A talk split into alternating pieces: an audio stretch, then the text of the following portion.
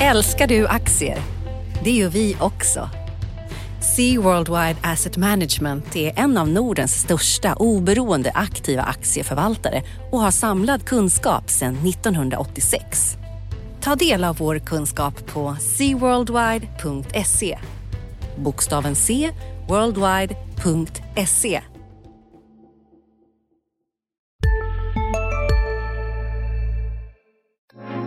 Analyspodden presenteras idag i samarbete med Humble Group, en svensk foodtech och FMCG-koncern som levererar nästa generation av konsumentprodukter som är bra för människor och för planeten. Humble inriktar sig på produkter inom eko, hållbarhet och veganskt och som har bra näringsinnehåll. Bolaget har en antagen strategi att växa organiskt och genom förvärv inom varumärken, distribution, tillverkning och ingredienser. För mer information besök humblegroup.se. Analyspodden från Dagens Industri. Hej allihopa och välkommen till veckans avsnitt av Dagens Industris analyspodd där vi diskuterar eh, börsen ofta, eh, ganska ofta finansmarknaden också, ibland politik när det är befogat. Den här veckan kommer nog handla en hel del om, om makro eh, eftersom vi har haft både ECB-räntebesked och intressant eh, amerikansk inflationsstatistik. Jag heter Ulf Pettersson och med mig för detta ärende har jag Nils Åkesson. Hejsan Nils! Hej Uffe! Du har väl haft att göra idag eftersom du är vår makroobservatör eh, på, på redaktionen? Ja, eh, eller i alla fall igår. Eh, det är ju fredag förmiddag när vi spelar in det här eh, och igår var det ju fyrverkerier. Det var den här inflationssiffran från USA för maj som eh, många eh, eh, bet på naglarna inför. Eh, vi kan prata lite om marknadsreaktionerna sen som ju eh, inte blev så dramatiska som eh, många hade befarat. Eh, för de som inte har, har följt nyhetsflödet så kan jag bara återrapportera då. Det var, inflationen fortsatte att stiga då i maj i USA. Den, den har ju dragit iväg nästan spikrakt uppåt eh, inflationskurvan de senaste månaderna. Och det har ju då att göra med att man jämför med eh, eh, ett år tillbaka när vi hade akut coronakris och nu har vi återöppning och återhämtning i ekonomin. Kärninflationen då i USA, som många koncentrerar sig på, den steg alltså till den högsta nivån sedan 1992, 3,8 procent. Det här huvudmåttet KPI inflationen som räknar med energipriser och matpriser och sånt, den var hela 5 procent. Och då ska man komma ihåg att idealt sett så är det då, ska båda de här måtten över tid ligga omkring 2 procent. Det är ju målet för, för centralbankerna. Otroligt. Och sen så samma dag faktiskt eh, så kom ju eh, Christine Lagarde, alltså ECB-chefen, eh, Europeiska centralbankschefen med sitt räntebesked och hade en presskonferens efteråt också. Så vad, ja. vad var det som var grejen där egentligen? Ja, jag lyssnade på den och eh, man kan ju säga så här, vi ska prata mer om Fed då, som eh, tar till orda nästa vecka. Men Christine Lagarde hon var ju, kom ju, hade, höll ju presskonferens precis när de här amerikanska inflationssiffrorna kom. Eh, men hennes huvudbudskap var helt orubbat alltså. Precis som det har låtit från både ECB och amerikanska Fed då, eh, ända sedan i vintras. Att Ja, det kommer inflation här. De, de siffrorna kan se läskiga ut, men allt handlar om tillfälliga effekter. Hon rörde sig inte ur fläcken vad det gäller då eh, nollränta och fortsatta eh, stödköp av, eh, av räntepapper. ECB skriver upp tillväxtutsikterna. De har ljusnat. Återhämtningen börjar ta fart. Inflationen blir också lite högre i år och nästa år än de tidigare beräknat. Men den här spiken, då inflationen, den är bara tillfällig. Eh, hon, hon eh, poängterade att det finns ju mycket lediga resurser. Europa är ju eh, två steg bakom USA i, i återhämtningen verkligen. Alltså arbetslösheten är 8 procent, men egentligen är den dubbelt så hög. Det betonade Christine Lagarde själv då, eftersom ja, om man räknar in alla som är fortsatt i olika åtgärder och permitteringar eller som har slutat söka jobb under pandemin då, så, så har vi så är det kanske 15 procent eh, då som är arbetslösa.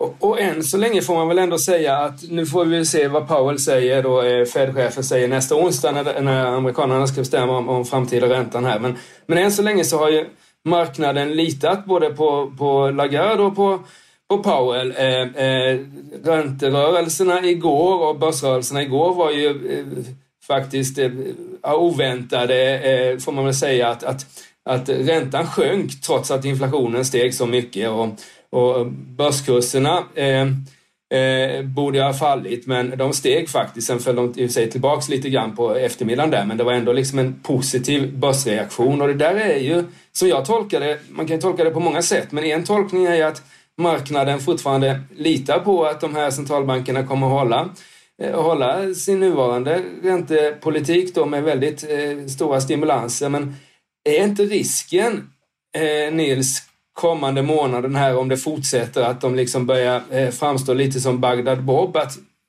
hela omvärlden ser vad som händer bakom deras rygg men de pratar fortfarande som om vi skulle vara inne i en, i en superkris trots att BNP-tillväxten är 7 procent i USA och inte riktigt lika god i Europa men ändå eh, ja. stark.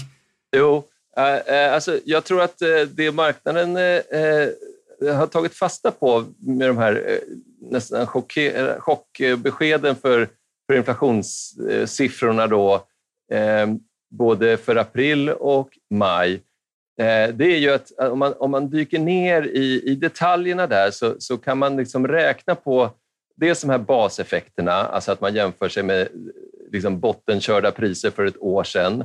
Eh, dels är det då rena återöppningseffekter, eh, om vi pratar amerikansk eh, inflation där, som, alltså hur priserna har stigit i månadstakt då, i takt med att ekonomin har öppnat upp, då har man ju e-, enorma prisrusningar på begagnade bilar, på hyrbilar, på flygresor, sånt som folk helt plötsligt får jättebråttom att, att, att handla eftersom man har, eh, inte liksom, eh, haft lust eller eh, möjlighet att göra det under ett år av nedstängningar. Dessutom har man ju mycket pengar i, e-, på hög då, med uppdämd eh, konsumtion och, och, och stimulanscheckar och, och, och, allt vad det är. Va? Och sen för det tredje så har du ju eh, flaskhalsarna, komponentbristen och allt det här som vi har pratat om många gånger förut. Och det är ju också en slags coronaeffekt då när, när eh, industrikonjunkturen har svängt så snabbt från tvärnit i fjol och sen så rekylartad återhämtning och så har inte liksom, leveranskedjorna eh, hängt med i svängarna. Så alla de här bitarna är ju då starka argument för att det är fortfarande tillfälliga effekter vi ser. De här mer att, det skulle, att inflationen skulle bita sig fast på en hög nivå, det syns inte än helt enkelt. Och om, vi, om vi fortsätter på makrotemat så kan vi ta lite börsen mot slutet här. För nästa vecka då, då har vi ju eh, Feds räntebeslut och sen har vi faktiskt eh, räntebeslut i, i, i Norge och Japan också. Men vad är det, vad, mm. vad är det som, vad är det, Ja. Tror, vad, vad, tror du Powell gör och vad tror marknaden att han kommer göra? Kommer han börja antyda ändå om att det är dags att börja strama åt lite grann? Eller vad är liksom, hur ska, hur ska han balansera det här? Ska man tolka räntemarknaden här som alltså där, amerikanska tioårsräntor backade då eh, efter den här sensationellt höga inflationssiffran eh, så är det ju att det är precis som det lät från eh, ECB igår så kommer det låta från Powell att eh, lagd räntepolitik ligger, att det är för tidigt att börja prata om eh, nedtrappning av de här tillgångsköpen. Eh, det är, eh, den, hittills så eh, föranleder inte de här inflationsutfallen att man kommer att släppa eh, på, sin, på den linje som man är, har slagit in på då, att man, man hävdar med envishet att vi kommer att ha tillfälligt höga inflationssiffror. Sen kommer de att avta och eh, då behövs fortfarande eh, stora stimulanser för det handlar om att, att eh, de här lediga resurserna, den här, eh, alla dessa människor som inte är med på tåget eh, ska komma in i värmen igen. Då. Det, arbetslösheten ska ner och, och fler ska in i arbetskraften. och så där. Men det är det. Alltså Legard pratade om 8 procent och 16 procent verkligt arbetslösa i Europa och i USA har i och för sig nu var ju eh, sysselsättningsstatistiken senaste vi såg i positiv riktning då jämfört med lite bakslag i, i, i april var det väl. Men kan man verkligen liksom, är det rätt av centralbankerna att fokusera så väldigt mycket, eh, tycker du, på arbetsmarknaden här? För det som har hänt under pandemin som jag ser det är att vi har fått ett strukturskifte på arbetsmarknaden också. Att att H&M's 23 000 anställda som har lämnat H&M senaste året, de kommer ju inte komma tillbaks. För det är ju, så att säga, vi har ju haft en digitalisering av många marknader också som gör att, att vi kommer få en, en, en, en arbetslöshet tills vi hittar liksom ett nytt sätt i ekonomin. Eller vad, Ja, Resonerar de kring det också eller? Är det, eh, jag tror inte de har fört några eh, utförliga resonemang kring, kring den typen av strukturskiften. Men jag menar, det skulle ju egentligen ge stöd åt då att det behövs mer än någonsin då en, en enormt mjuk politik eh, även fortsatt. Eh, fortsatt stora stimulanser för att eh, ekonomin ska, ska klara av att skapa eh, de här jobben till, eh, till de som, eh, som inte har några. Då. Ja, så det, det, inte... mm, det finns svängrum, det finns utrymme för, för den här politiken. Så, så resonerar ju centralbanken. Då. Sen har vi då riskerna såklart. Vi ser redan att ehm, det, det, finns eh, eh, löner som tar fart i, i fickor av eh, amerikansk ekonomi redan nu därför att arbetskraften kommer inte tillbaka det finns en massa människor som inte jobbar, men de kommer inte tillbaka till de här jobben där det finns lediga platser i, i, i, så att säga, i den takt som lediga platserna eh, uppstår, som jobben uppstår. Så det, det är ju eh, det är ju en skakig resa. Är det för att lönerna är för låga eller varför, varför tar de inte de jobben? Är det liksom... Ja, det handlar ju om, om att eh, stöden inte, arbetslöshetsstöden har inte fasats ut riktigt, de här krisstöden efter, efter pandemin. Då. Så jag menar, i, i vissa delstater och i vissa liksom, eh, antar jag, inkomstlägen så, så är det liksom, eh, rationellt eller så man, man, får mer betalt av att ligga på soffan än att eh, ta första bästa jobb på eh, 7-Eleven. Med oss i studion nu så har vi Simon Petrén som är koncern-vd på Humble Group som tidigare hette Bain Group och som samarbetar med Analyspodden den här veckan. Hej Simon! Hejsan! Det har gått väldigt bra för Humble Group på börsen den senaste tiden. Kan du berätta lite om er verksamhet? Absolut. Ehm, vi är då en eh, foodtech och FMCG, det vill säga snabbrörliga konsumentvaror, eh, koncern som är noterade på Nasdaq First North. Och vi är en snabbväxande grupp som växer framförallt både organiskt men även då genom förvärv av eh, framtidens bolag som vi tror kommer vara en del av den här transformationen som håller på att ske i marknaden. Så att fokus för oss är då eh, produkter och företag som fokuserar på mänskliga hälsan, eko, hållbarhet och eh, veganskt. Och varför har det gått så bra på börsen på sistone då? Vad är bakgrunden till de här framgångarna nyligen? Ja, men jag tror att om vi tittar historiskt så har vi haft ett tydligt eh, teknologifokus i, i Bain Europe. Och eh, sen eh, mars 2020 så antog vi en ny strategi för den här koncernen. Och eh, i och med förvärvet av Pandy så kommunicerade vi då att vi kommer att växa genom förvärv. Och vi har identifierat ett, ett stort antal väldigt spännande bolag som vi tror passar in under en, en större konstellation hela den här marknaden är väldigt fragmenterad och i stort behov av konsolidering. Så vi har exekverat på den strategin. Vi har genomfört eh, 12 förvärv och, och även stärkt vår ägarbas ordentligt med, med starka institutionella investerare. Så att, eh, man kan väl säga att nu har vi lagt den här plattformen som krävs för att kunna fortsätta växa, eh, både organiskt, realiserat Sista dagarna nu på vårens stora season sale. Passa på att göra sommarfint hemma, både inne och ute och fynda till fantastiska priser. Måndagen den 6 maj avslutar vi med Kvällsöppet i 21. Välkommen till Mio. Nu släpper vi en ny podd. Expressen Dock. Einar han går in i fel gård, förstår du? Och sen där, en annan skytt jag tror kommer emot honom och, och fortsätter skjuta. Lyssna på premiäravsnittet. Mordet på Einar, det sista vittnet. Med mig, krimreporter Nina Svanberg. Hon började skrika på mig. Backa hon började säga. Så vad, vad hände? Så hon bara, han är död. Så jag bara, vad säger du för något? Så hon började skrika, han är död. Så jag sköt honom nu 21 meter. Lyssna i appen eller där poddar finns.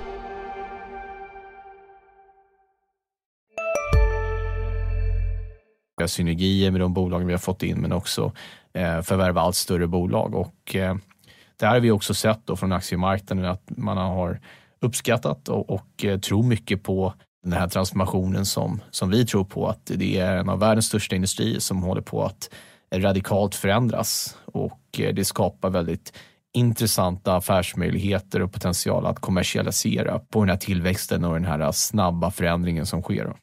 Kan du berätta lite mer just om den här förändringen och transformationen? Men det handlar mycket om att eh, Generation Z och millennial-konsumenter har ett eh, väldigt medvetet val när de köper produkter. Och eh, det här valet gör att historiskt så har de här aktörerna i marknaden kanske inte riktigt hängt med i behovet för de här konsumenterna. Och där ser vi då många entreprenörer. Vi har flera svenska bolag som har gjort fantastiska resor. Vi senaste Oatly som noterades i New York då, där man träffar konsumenten och, konsumentbehovet på ett bra sätt. Och eh, det ser vi stor potential att hjälpa de här entreprenörerna och bolagen att, att ta nästa steg i sin företagsresa. Och som aktieägare då, vad kan man förvänta sig av Humble Group framöver? Ja, men vi kommer fortsätta växa. Eh, vi kommer ta nästa steg i vår företagsresa. Eh, allt större bolag som passar in i gruppen. Vi kommer även också titta på att stärka vår positionering i de vertikaler vi är inom. Jag har nämnt det tidigare, men veganskt är någonting vi också tycker är väldigt spännande. Så det, det är mer av det vi redan har gjort och påbörjat. Tack Simon Petrén och Humble Group som sponsrar Analyspodden den här veckan. Tack så mycket. Bra. Eh, ska vi prata lite börs också? Så, jag tror jag köpte mina första aktier 84 eller något sånt där, men jag har inte jobbat professionellt med det längre än tidigt 90-tal egentligen. Men, men det var ju den här veckan är ju väldigt märkliga rörelser som jag var inne på. Med den inflationsökning, oväntade inflationsökning också. Att, att inflationen skulle öka var ju liksom känt, men att den ökade så mycket borde ha skapat lite turbulens och nedtryck på börserna. Men det gjorde det inte. Och framförallt så borde det ha då skapat när vi har en väldigt hög tillväxt, kraft i verkstadsaktierna som har backat 4% idag, eller den här veckan ungefär, SKF och, och lite sånt där. Medan fastighetsaktierna, framförallt de fastighetsaktier som har varit lite nedpressade, har gått upp då, ett, är vinnare den här veckan. Och normalt sett så borde man med de här eh, makrodatan vi har fått haft tvärtomrörelse där eh, exportindustrin borde liksom ha tagit fart medan eh, ska vi säga, den räntekänsliga fastighetssektorn borde ha tagit stryk. Så det är lite omvända världen mot vad man är van vid att se. Och jag kan inte tolka det som något annat än att marknaden just nu är lite, den är inte eh, så rationell som, som vi börskommentatorer liksom vill göra gällande utan det kan liksom, vi sitter här fredag förmiddag men på fredag eftermiddag eller måndag morgon kan det vara liksom helt andra rörelser. Och det är väl det som jag tycker kännetecknar en brytningstid som det känns som att börsen är inne i just nu där vi har haft en sidledes rörelse under ett par månaders tid. Ehm, eh, allt mindre rörelse intradag egentligen och då väntar man nog i tekniska termer på ett, på ett utbrott. Antingen neråt 10% eller uppåt 10 Och Fed skulle kunna vara en sån där, om Powell på onsdag lyckas, lyckas liksom eh, återigen, nej men lugn, vi, vi, vi, vi, vi håller eh, håller vår, vår liksom riktning fast, då tror jag vi får ett uppställ på börskurserna. Eh, Medan om han så att säga i, i, någon, i någon bisats eh, på efterföljande presskonferens skulle kunna få en sänkning här. Så det, jag skulle säga att, att de som gillar, gillar aktier och investerar i aktier ska nog se till att vara vakna där onsdag, onsdag kväll när, när presskonferensen är. Ja, ja nej, men jag skulle säga att det, är ju, det kan ju bli en, en eh, nervös eh, eh, sommar här. Eh, om vi fortsätter få eh, ha det här enorma fokuset på, på månadssiffrorna för inflationen och varje gång så återkommer frågan till centralbankerna. Är det här fortfarande tillfälligt? Hur, eh, eh alltså, när blir toppen en mer utdragen platå?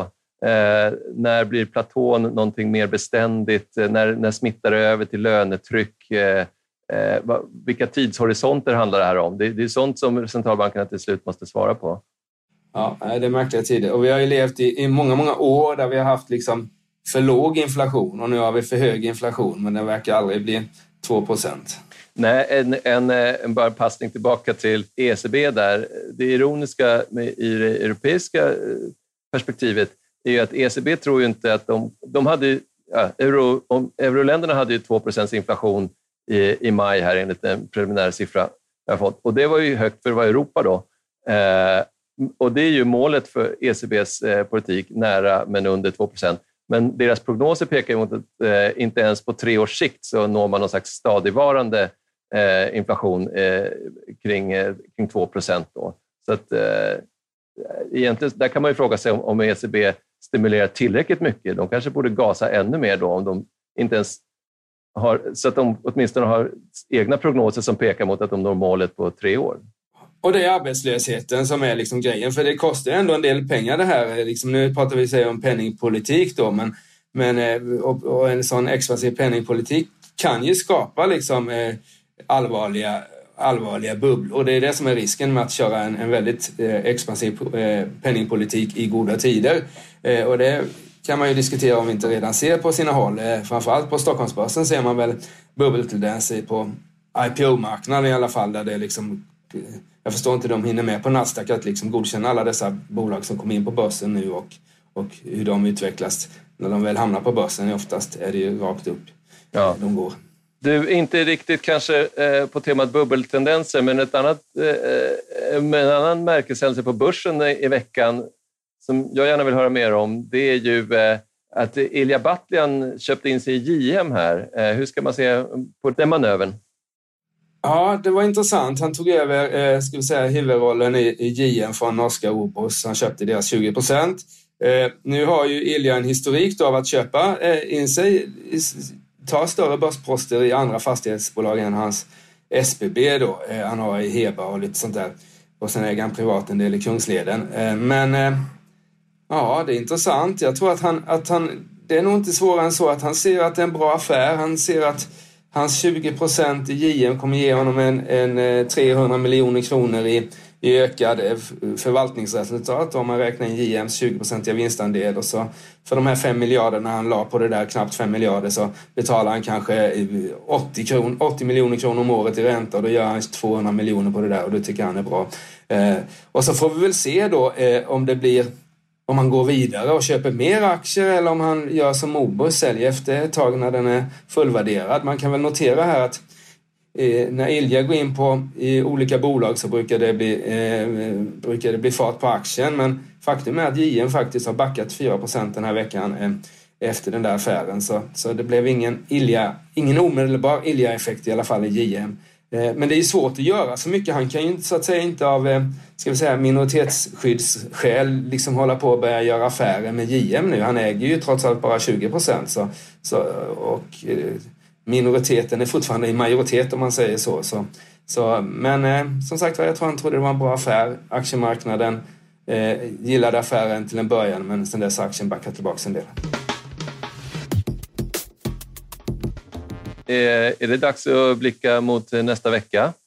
Ja, vad ska du hitta på?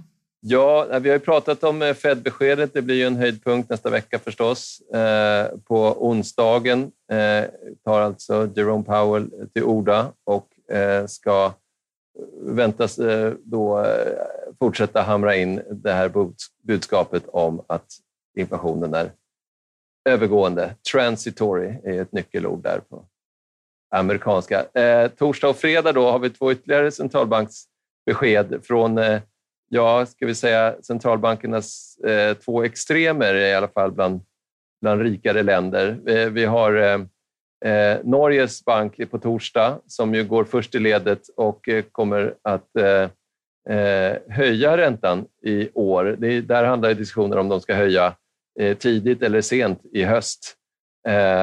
och ehm, Ja, eh, de sticker ju ut eh, onekligen. Men det där kan ju eh, också få ge ytterligare fart åt norska kronan för övrigt, som ju nu är ungefär ganska precis i paritet med den svenska. Så den, den har lite mer kvar att, att stärkas till nivåer som var liksom före pandemikrisen.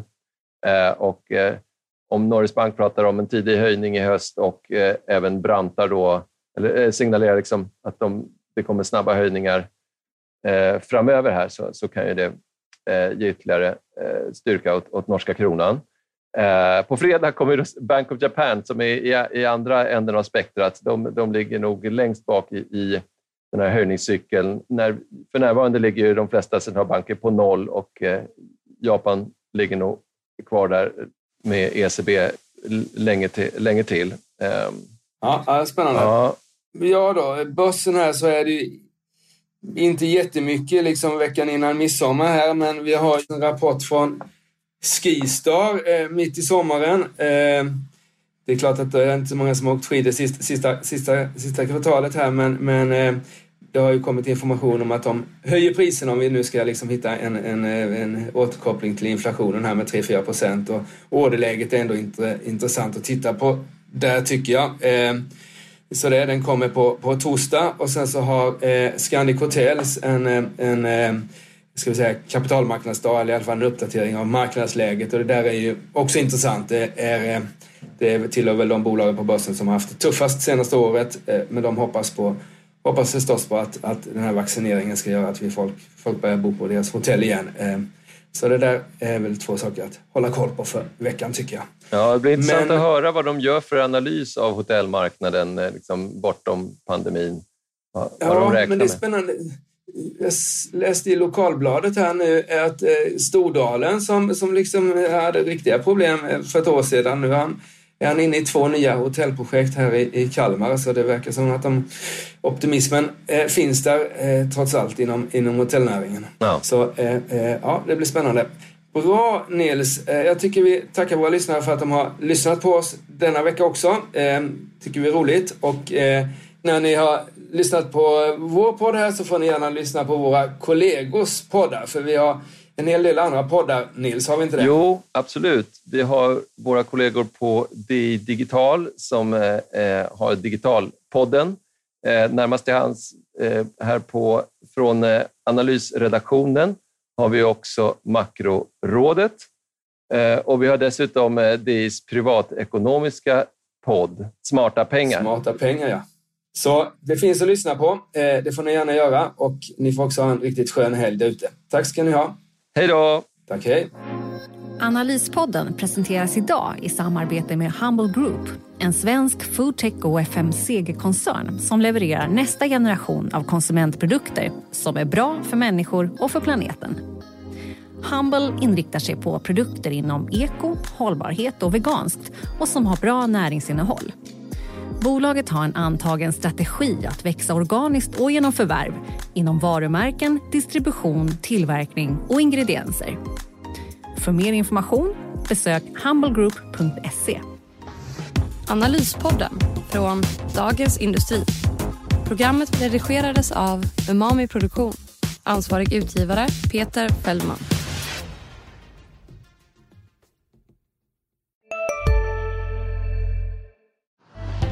Älskar du aktier? Det gör vi också. Sea Worldwide Asset Management är en av Nordens största oberoende aktiva aktieförvaltare och har samlad kunskap sedan 1986. Ta del av vår kunskap på seaworldwide.se. Bokstaven C, worldwide.se